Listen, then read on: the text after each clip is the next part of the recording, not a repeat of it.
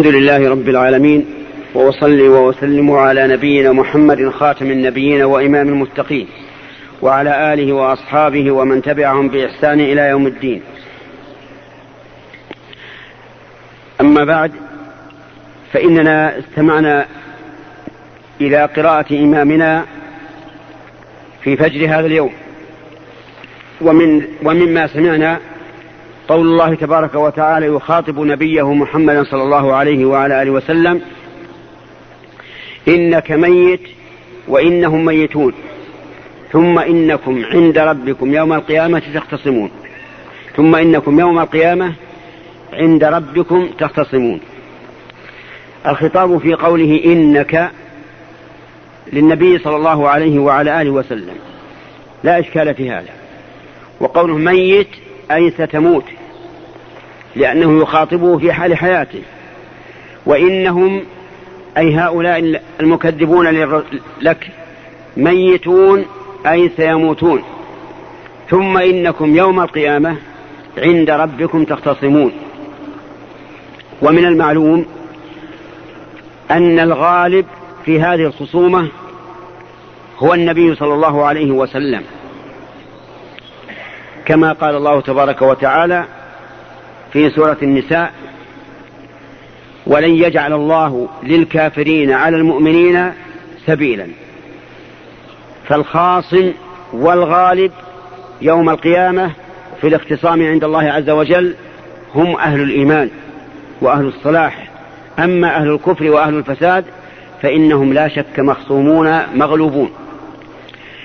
وفي هذه الآية الكريمة دليل واضح على أن محمد رسول الله بشر يعتريه ما يعتري البشر. حتى إنه عليه الصلاة والسلام قال عن نفسه إنما أنا بشر مثلكم أنسى كما تنسون. فجميع خصائص البشر كلها لاحقة بالنبي صلى الله عليه وعلى آله وسلم.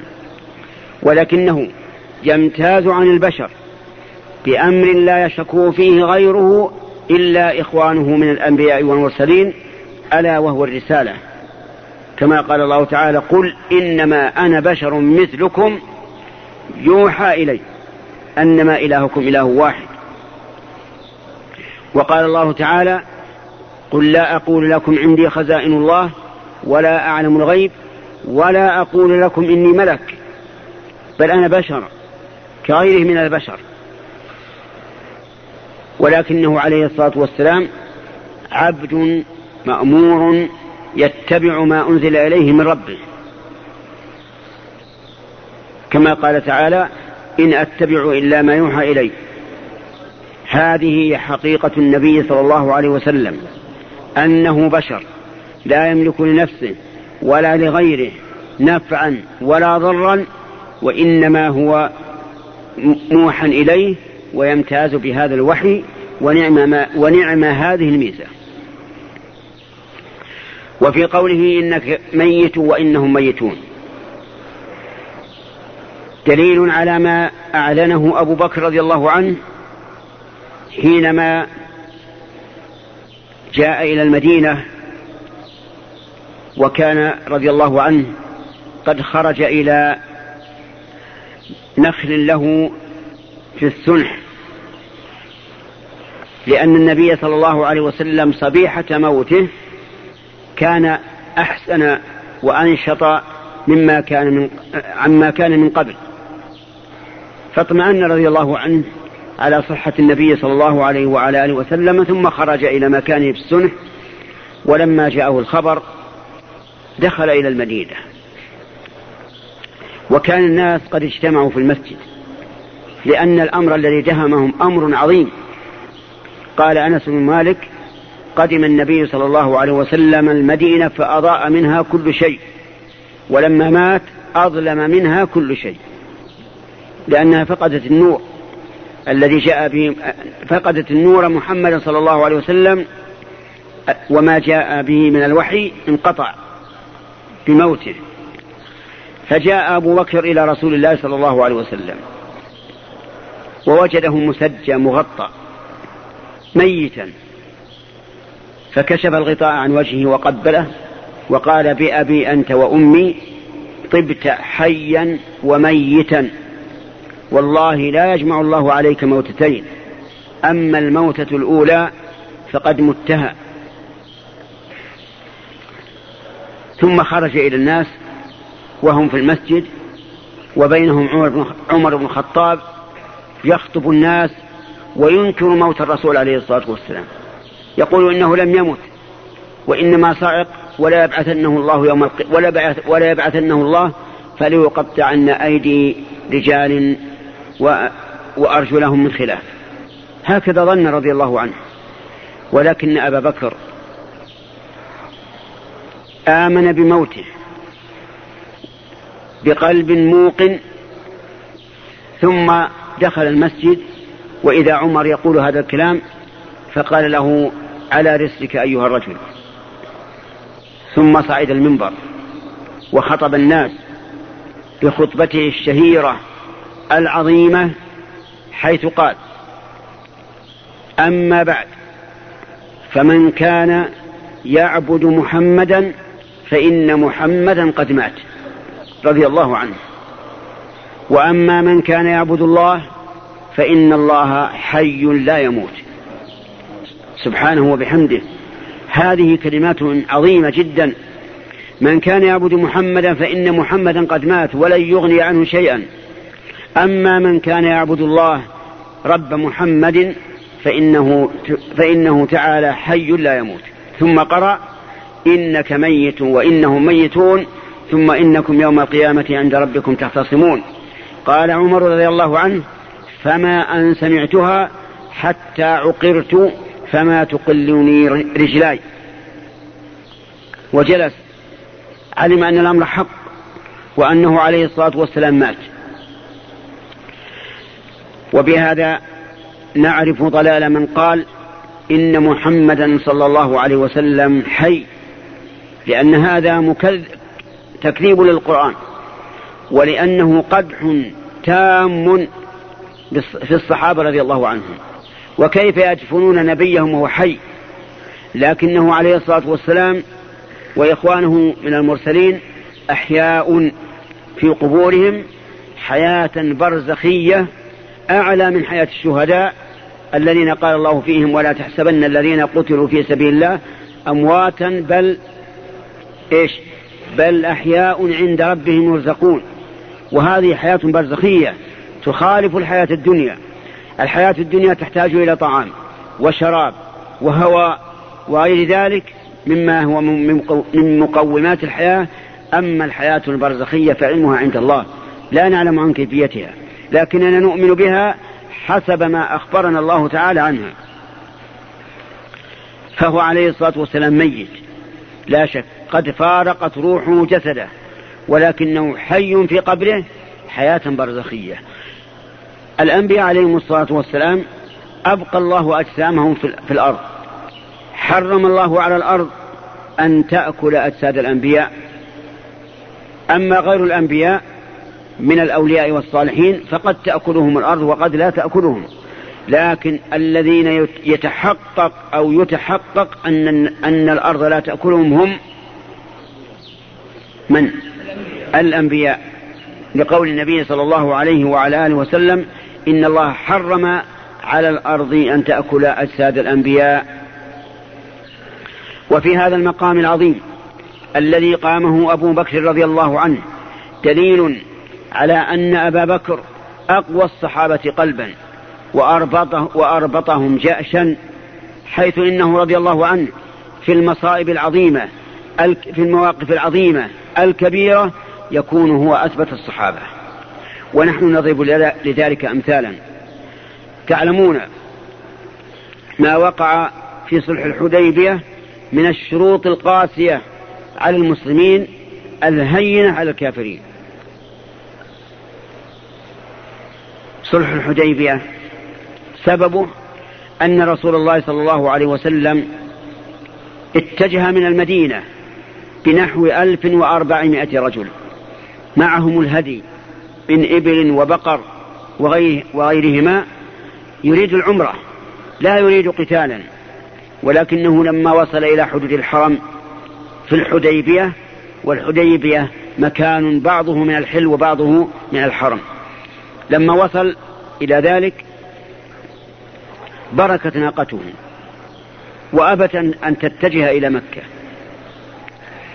فقال الصحابة خلأت القصواء خلأت بمعنى حرنت وبركت والقصوى اسم لناقته عليه الصلاة والسلام. فقال عليه الصلاة والسلام والله ما خلأت القصوى وما ذاك لها بخلق. عليه الصلاة والسلام. حتى البهائم يدافع عنها النبي عليه الصلاة والسلام.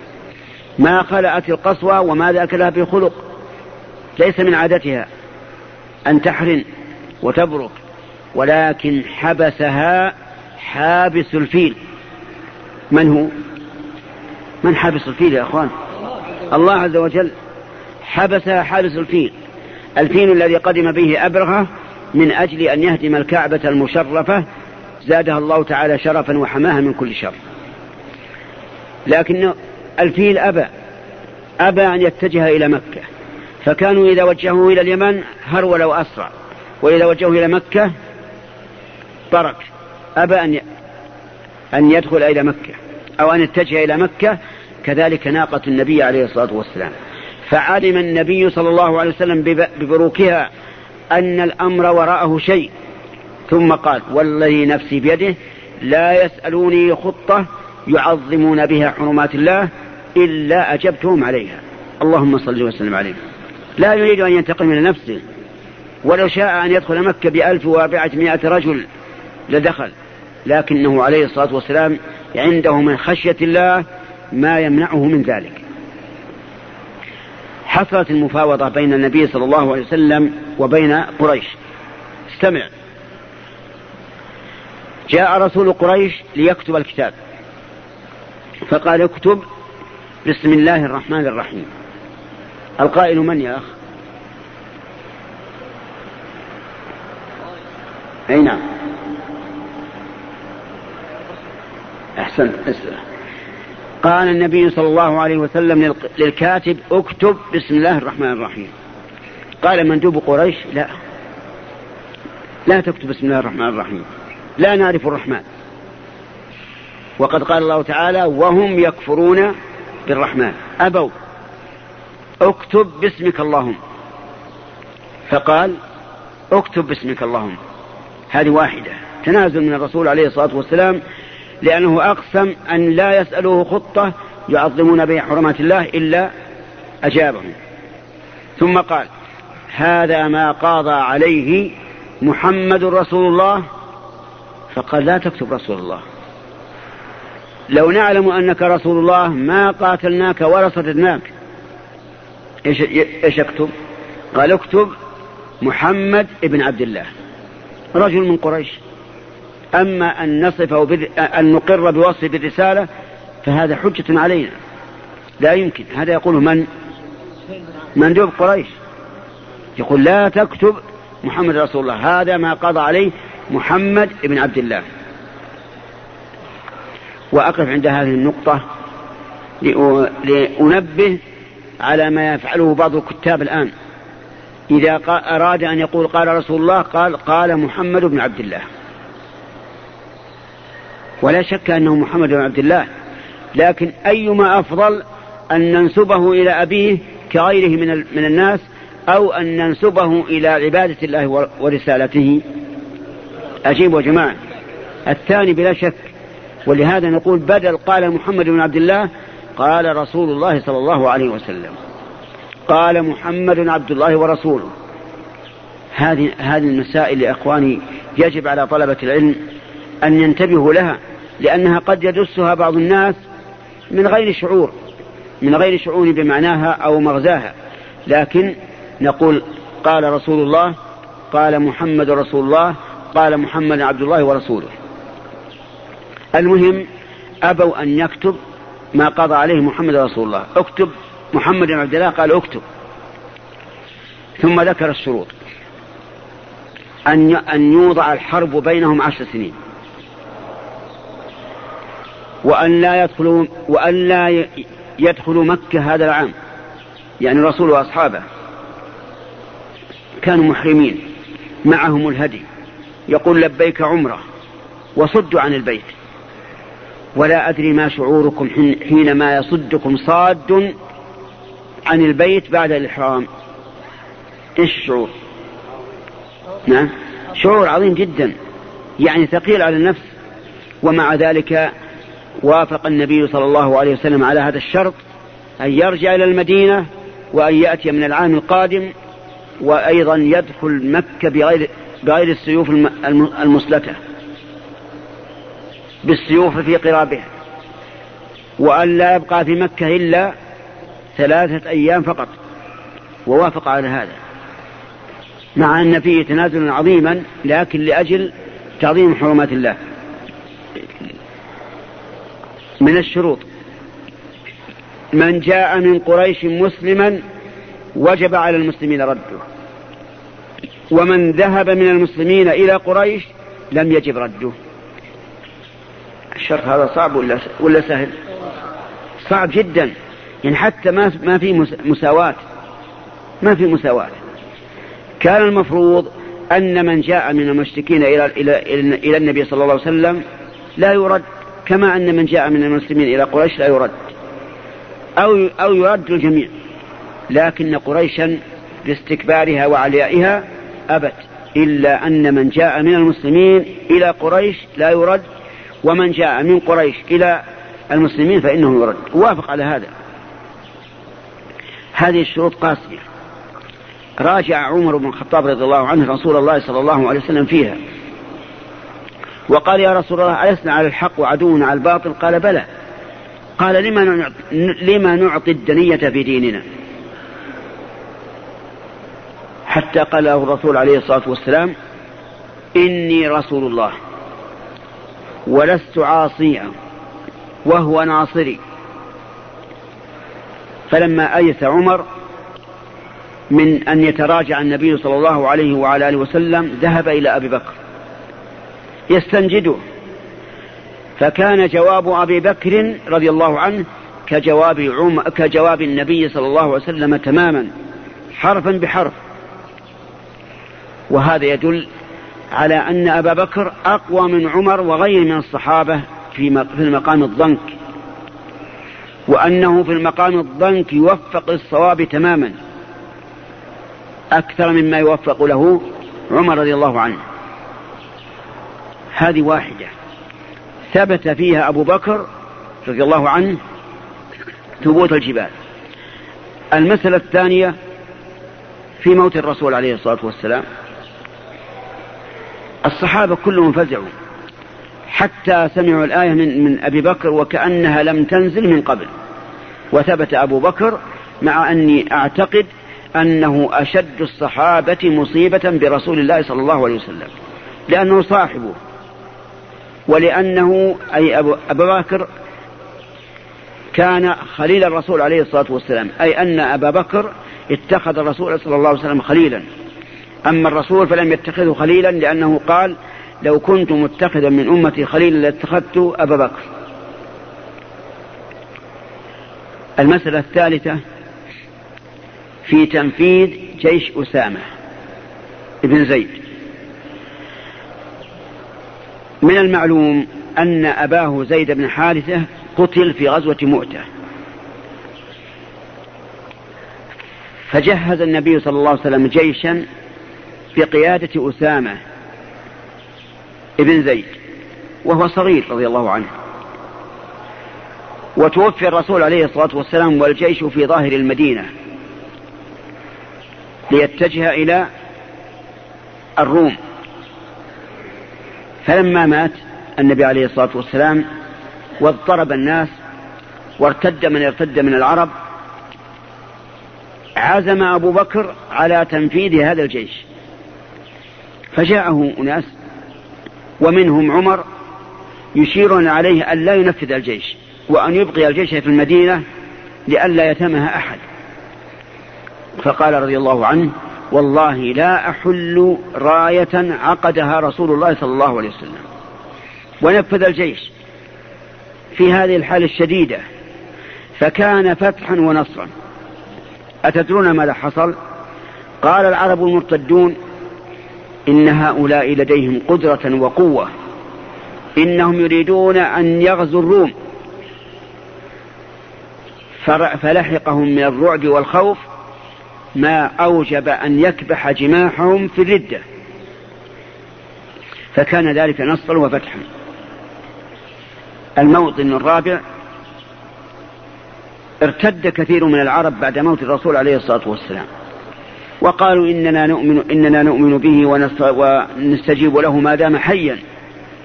وأما بعد موته فلا. فماذا حصل؟ أمر أبو بكر رضي الله عنه بقتالهم. وراجعه من راجعه من الصحابة. ولكن أبى وقال والله لو منعوني عناقا أو قال عقالا يؤدونه إلى رسول الله صلى الله عليه وسلم لقاتلتهم على ذلك. وعزم على قتالهم وفعلا نفذ ذلك. قال عمر فعلمت فرأيت أن الله قد شرح صدر أبي بكر للقتال فعلمت أنه الحق. على كل حال نحن أتينا بهذا أمثلة على قوة أبي بكر رضي الله عنه وقوة جأشه وأنه أصبر الصحابة عند الشدائد. وأشدهم عزما. أما موت الرسول عليه الصلاة والسلام فكما علمتم أنه عليه الصلاة والسلام مات كما يموت البشر كما أنه يحتاج ما يحتاج إليه البشر من الطعام والشراب واللباس وغيرها وأن جميع الخصائص البشرية إيش؟ ثابتة للرسول صلى الله عليه وسلم. يمرض ويجوع ويعطش ويبرد ويحترز من العدو ويلبس الدروع في القتال إلى غير ذلك من الخصائص البشرية. لكنه فضل عليه الصلاة والسلام بماذا؟ فضل بالرسالة لأنه أهل لها. وقد قال الله تعالى الله أعلم حيث يجعل رسالته. فصلوات الله وسلامه عليه وعلى آله وأصحابه ومن تبعهم بإحسان إلى يوم الدين. والآن إلى الأسئلة نقرأ منها ما تيسر ونسأل الله أن يوفقنا للجواب الصواب.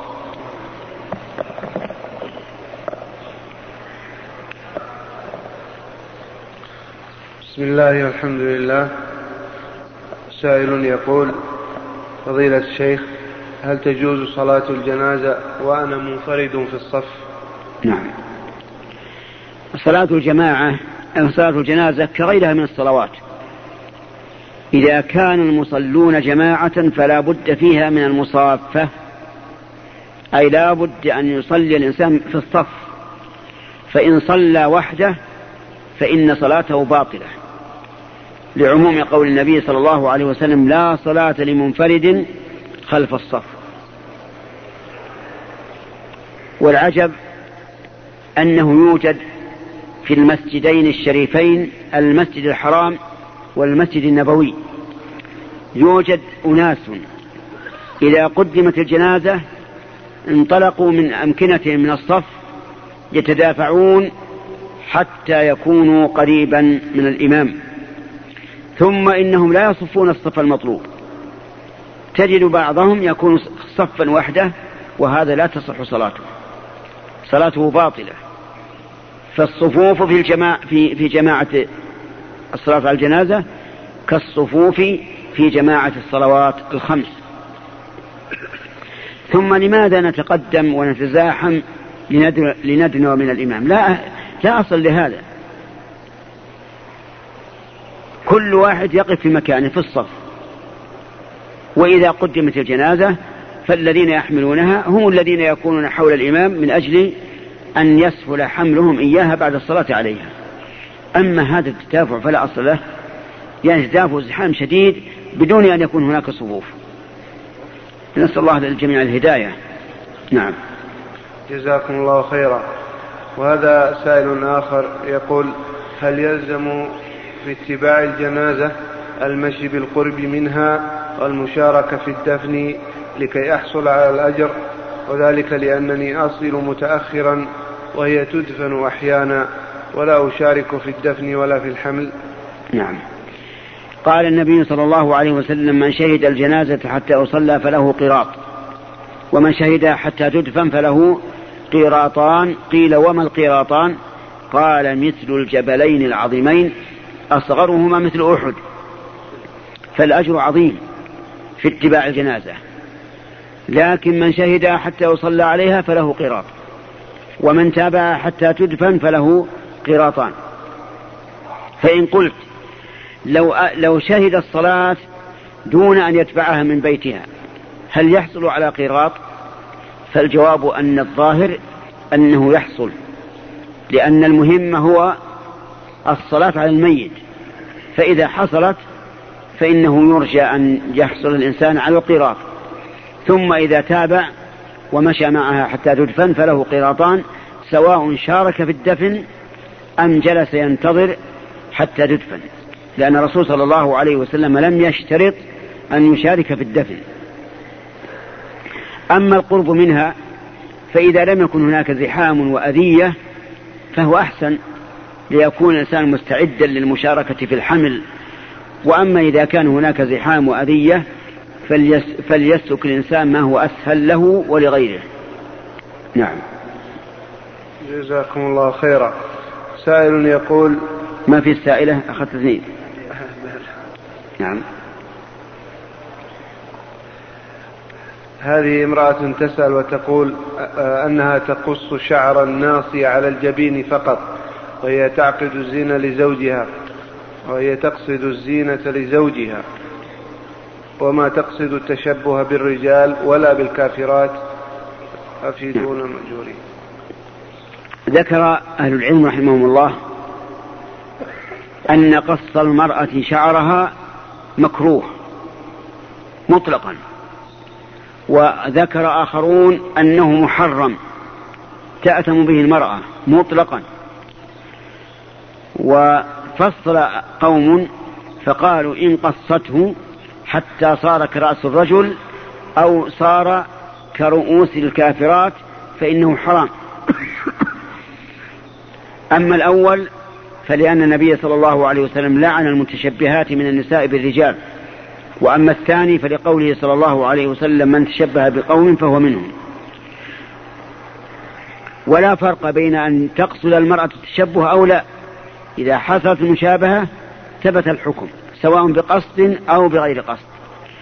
وقال هؤلاء وإذا قصته على وجه لا يشبه آه، قص نساء الكفار ولا قص الرجال فإنه لا بأس به. وهذا أقرب إلى الصواب. نعم. جزاكم الله خيرا. سائل يقول ما معنى قول الله تعالى ومن يريد فيه بإلحاد بظلم نذقه من عذاب أليم هل بسبب الإرادة وإن لم يفعل الذنب؟ نعم. هذه الآية نزلت في في المسجد الحرام. قال الله تعالى إن الذين كفروا ويصدون عن سبيل الله والمسجد الحرام الذي جعلناه للناس سواء العاكف فيه والبادي ومن يرد فيه بإلحاد بظلم نذقه من عذاب أليم. ومن, أك ومن أول من يدخل في ذلك أولئك المشركون الذين صدوا رسول الله صلى الله عليه وسلم وأصحابه.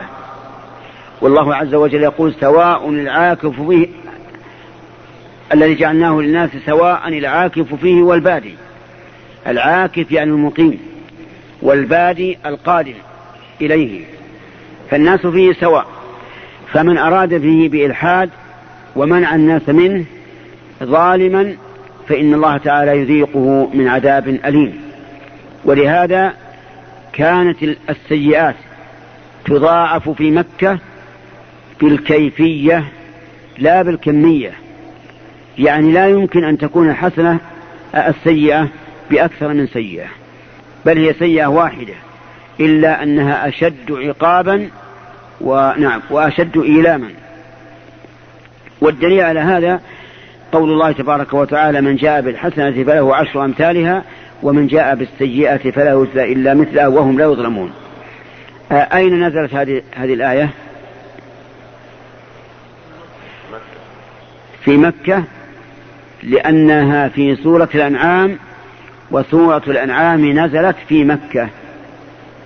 وعلى هذا فالسيئات في مكة لا تتضاعف بالعدد لكن بالكيفية أي بأن يكون العذاب أشد من العذاب في سيئة بسيئة في غير هذا المكان.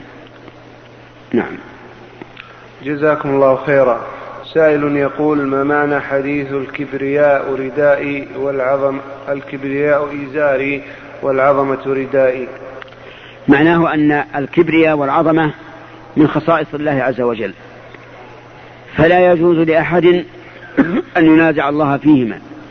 ولهذا قال فمن نازعني واحدا منهما عذبته. فالله عز وجل وحده هو المختص بذلك. لا يشاركه فيه أحد ولهذا كان المتكبرون من أصحاب النار والعياذ بالله. المتكبرون من أصحاب النار حتى إن الرسول صلى الله عليه وسلم حذر من أدنى مثقال حبة خردل من كبر. ولكن ليس من الكبرياء أن يلبس الإنسان ثوبا حسنا أو نعلا حسنا. ولهذا لما ذكر النبي صلى الله عليه وسلم الكبر وتوعد عليه قالوا يا رسول الله كلنا يحب أن يكون ثوبه حسنا ونعله حسنا. فقال النبي صلى الله عليه وسلم إن الله جميل يحب الجمال. الكبر بطر الحق وغمط الناس. نعم. جزاكم الله خيرا. سائل يقول في مسجدنا وبعد الصلوات يقوم أحد المتسولين وبصوت مرتفع يشرح للناس حاله وحاجته وأحيانا يقوم اثنان أو ثلاثة. فهل لنا أن نمنع مثل هؤلاء؟ وإذا فعلنا ذلك هل يعتبر ذلك نهرا لهم؟ أولا يقال لهؤلاء المتسولين يحرم عليكم أن تتسولوا وتسألوا الناس شيئا إلا عند الضرورة. لقول النبي صلى الله عليه وسلم من سأل الناس أموالهم تكثرا فإنما يسأل جمرا. فليستقل أو ليستكثر.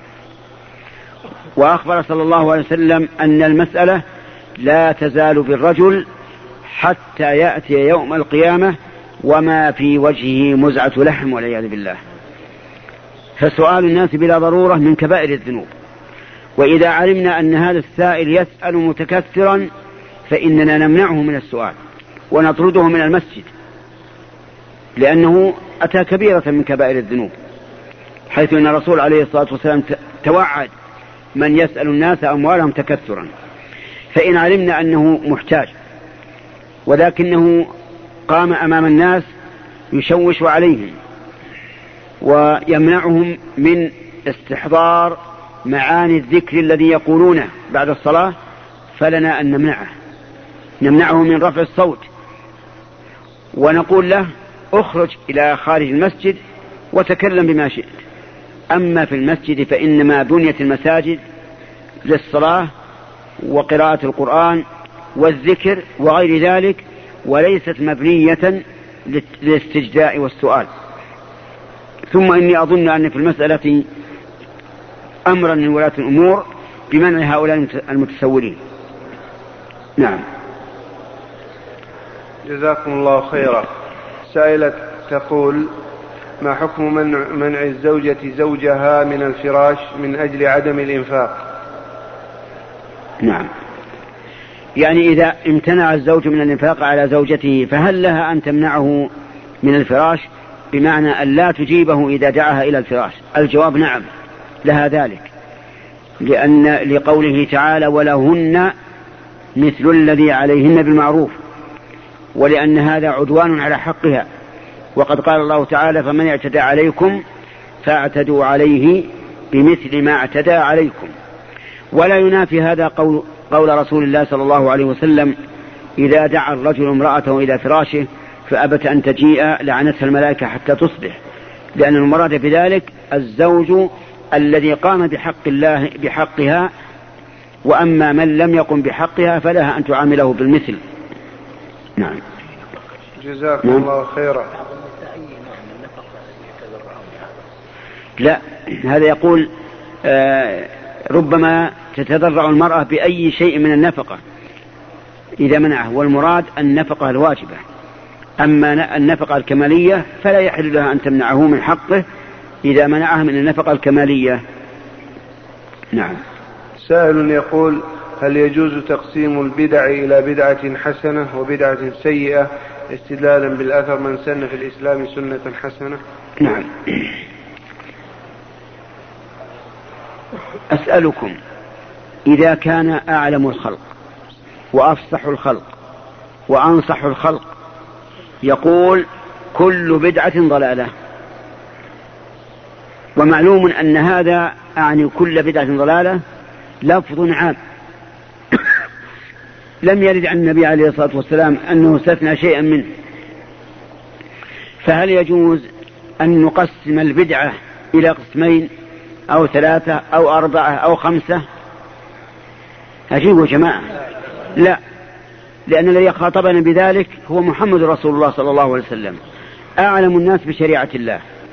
وهو أفصح الخلق. وهو أنصح الخلق عليه الصلاة والسلام. لا يمكن أن يطلق مثل هذا العموم ثم نقول إن البدعة تنقسم إلى أقسام.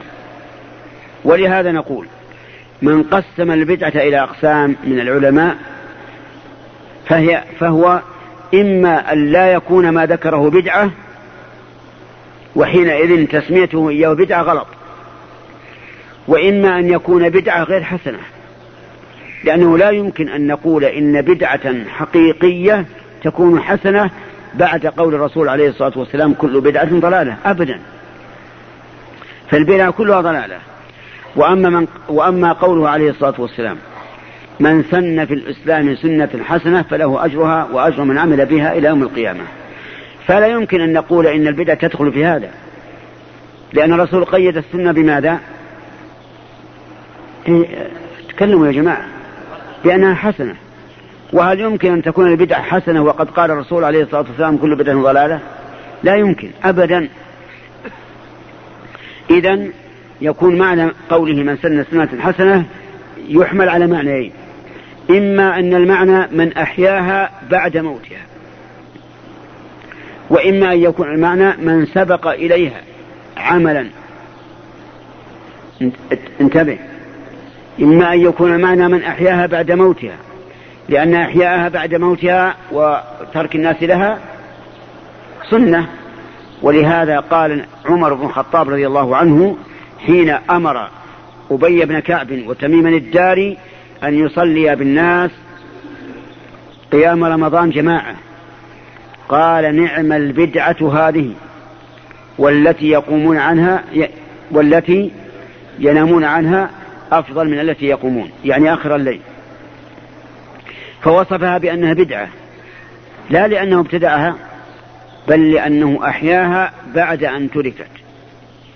وإنما قلت ذلك لأنه ثبت عن النبي صلى الله عليه وعلى آله وسلم أنه قام بالناس في رمضان.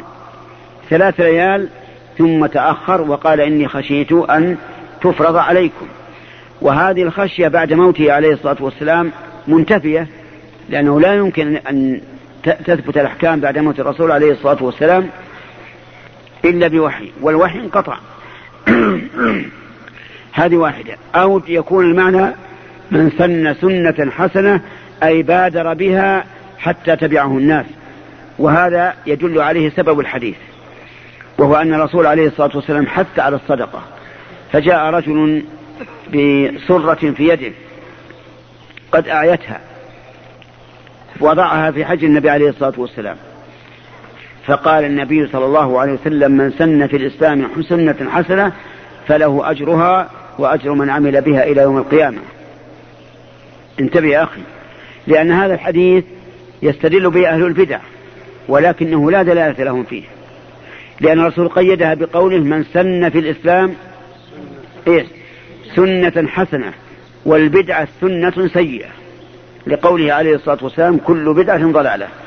إذا يحمل على أي شيء يا أخ؟ يحمل يحمل الحديث سنة في الإسلام سنة حسنة أي أن من أحيا سنة بعد أن بعد أن تركها الناس أو من سارع في امتثال أمر الله. تمام. بارك الله فيك. انتبهوا لهذا. الحديث معناه الذي لا يتجاوزه من سن في الإسلام سنة حسنة أي أحياها بعد أن هجرت وتركت. ومنه قول عمر نعمة البدعة هذه.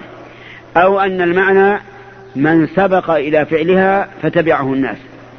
كما يدل عليه سبب الحديث. نعم. جزاكم الله خيرا. سائل يقول آه، أو يسأل عن آه، معنى حدث في في آه، في حديث الرسول صلى الله عليه وسلم المدينة حرام من عائل إلى ثور من أحدث فيها حدثا. ما المقصود بالحدث؟ هل هو المعصية؟ لا أظن أن ذلك هو المعصية لأننا لو قلنا إنها المعصية لكانت كل معصية في المدينة كبيرة من الكبائر لأنه يقول فعليه لعنة الله والملائكة والناس أجمعين. ولكن المراد بالحدث الحدث في الدين كالبدعة وشبهها. ولهذا يجب الحذر من البدع في المدينة أكثر مما يجب الحذر منها في غير المدينة. لأن الحدث في المدينة أمره عظيم إذ أن المدينة محط الوحي ومهاجر النبي صلى الله عليه وسلم. فلو أحدث الإنسان فيها حدثا لصار هذا من أعظم المضادة لله عز وجل والمحادثة له فيكون المراد بالحدث هنا الحدث آه، الحدث في الدين.